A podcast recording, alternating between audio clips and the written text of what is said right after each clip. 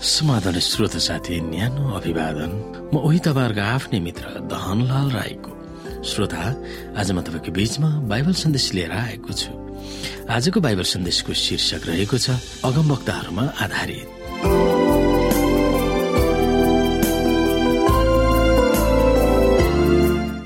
श्रोता साथी आजको अध्याय लुका चौबिस अध्यायबाट। यहाँ के भएर के अनुभव चेलाहरूको निम्ति किन निर्णायक बन्न पुग्यो भन्ने विषयमा हामी हेर्न सक्छौ। तिनीहरूले यी कुरा गर्दा गर्दै यसै तिनीहरूको बीचमा खडा हुनुभयो र भन्नुभयो तिमीहरूलाई शान्ति होस्। तिनीहरू तर्सेर डरले हात्तिए र हामीले त प्रेत देखिरहेका छौँ भन्ने सम्झे। तर उहाँले तिनीहरूलाई भन्नुभयो तिमीहरू किन विचलित हुन्छौ र तिमीहरूका हृदयमा किन शङ्का उत्पन्न हुन्छ? मेरा हात र मेरा पाउ हेर म म नै हुँ मलाई छोएर हेर। किनकि प्रेतको मासु र हाड हुँदैन। तर तिमीहरू देख्छौ मेरो त छन्। यसो भन्नुभएपछि उहाँले तिनीहरूलाई आफ्ना हात र पाउ देखाउनु भयो तर खुसीले पत्यार गर्न नसके तिनीहरू छक्क पर्दा। उहाँले तिनीहरूलाई भन्नुभयो के तिमीहरूसित यहाँ केही खानेकुरा छ? तिनीहरूले पकाएको माछाका एक टुक्रा उहाँलाई दिए। अनि उहाँले त्यो लिएर तिनीहरूकै सामान्य खानु। उहाँले तिनीहरूलाई भन्नुभयो तिमीहरूसँग हुँदा मैले बोलेका वचनहरू यिनै हुन् अर्थात् मोसाको व्यवस्था अगमवक्ता र भजनका पुस्तकमा मेरो विषयमा लेखिएका सबै कुरा पूरा हुनै पर्छ। तब धर्मशास्त्र बुझ्नलाई उहाँले तिनीहरूको समझ खोलिदिनु भयो उहाँले तिनीहरूलाई भन्नुभयो यसो लेखिएको छ कि ख्रिस्टले दुःख भोग्नु र तेस्रो दिनमा मृतकबाट जीवित हुनुपर्छ। अनि हेरुसलेमबाट सुरु गरेर सबै जातिहरूलाई उहाँको नाउँमा पश्चाताप र पापको क्षमा हुनुपर्छ। तिमीहरू यिनै कुराका साँची हौ।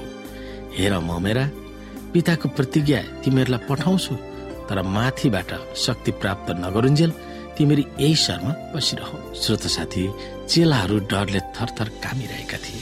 यी कामिरहेका चेलाहरूले यसुलाई देखेपछि पहिले उहाँलाई चिन्न पनि नसकेको कुरा रोचक छ। अनि यसुलाई देखेपछि र उहाँ जीवित हुनुहुन्छ भनेर निश्चय भएपछि तिनीहरू खुसीले यति उन्माद भए कि तिनीहरूले उहाँलाई विश्वासै गर्न सकेन। तपाईँ हाम्रो जीवनमा कहिले यस्तो अनुभव हामीले गरेका छौँ कि कुनै कुरो असल भएको पत्यारे गर्न नसकेको? हामीले माथि हेऱ्यौँ बैठकमा जम्मा भइरहेका चेला र अरूहरूको अनुभव त्यस्तै नै थियो। यदि यसो उपस्थित हुनु भएर भावनात्मक अनुभव दिएर बाँट्नुभयो भने सायद चेलाहरूको विश्वास पनि दिगो हुने थिएन। समय बित्दै जाँदा त्यो अनुभव बिलाएर गइन्थ्यो। तिनीहरू बिर्सनी थियो र अझै हो कि होइन भन्ने कुरामा तिनीहरू लाग्न सक्थ्यो त्यसकारण आफ्नो घाउ देखाउनु भएर तिनीहरूको अगाडि माछा खानु भएर मात्र आफ्नो उपस्थितिलाई उहाँले अन्त्य गर्नु भएन। उहाँले आफ्नो काम र सेवाको जग भविष्यवाणीमा आधारित थियो भनेर पुरानो करारका पानाहरूबाट याद दिलाउनु त्यसको अर्थ तिनीहरूको अनुभव भावनात्मक रूपमा जतिसुकै उल्लेखनीय भए तापनि तिनीहरूको आस्था परमेश्वरको वचनमा हुनुपर्छ भनेर यसोले जिकिर गर्न चाहनु भएको थियो। उहाँले तिनीहरूलाई भन्नुभयो तिमीहरूसँग हुँदा मैले बोलेका वचनहरू यिनै हुन्। अर्थात् मोसाको व्यवस्था अगमवक्ता र भजनका पुस्तकमा मेरो विषयमा लेखिएका सबै कुरा पूरा हुनै पर्छ।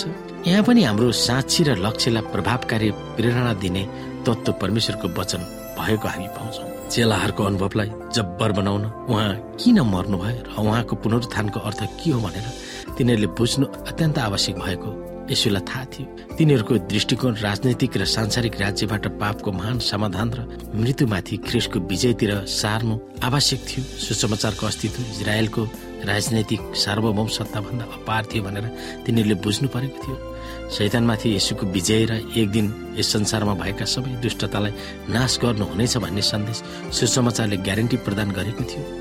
साथै यस पृथ्वीको नयाँ सृष्टि हुनेछ र उहाँका जनहरूको बीचमा परमेश्वर हुनुहुनेछ भन्ने प्रतिबद्धता सुसमाचारले देखाएको थियो। उहाँले तिनीहरूको बुझ्ने शक्ति वा ज्ञानको ढोका खोलिदिनु भएको थियो।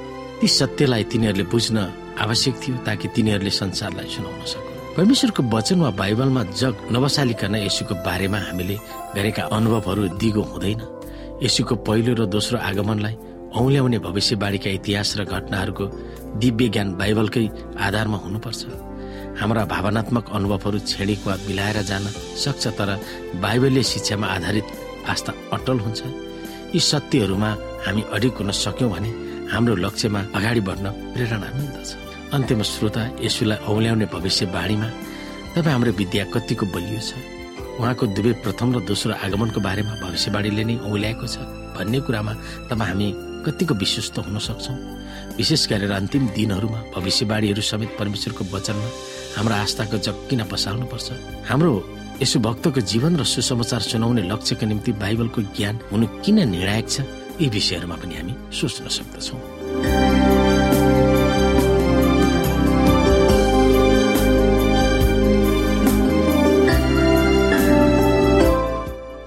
श्रोता साथी आजको लागि बाइबल सन्देश यति नै। हस्त नमस्ते जय मसिंह।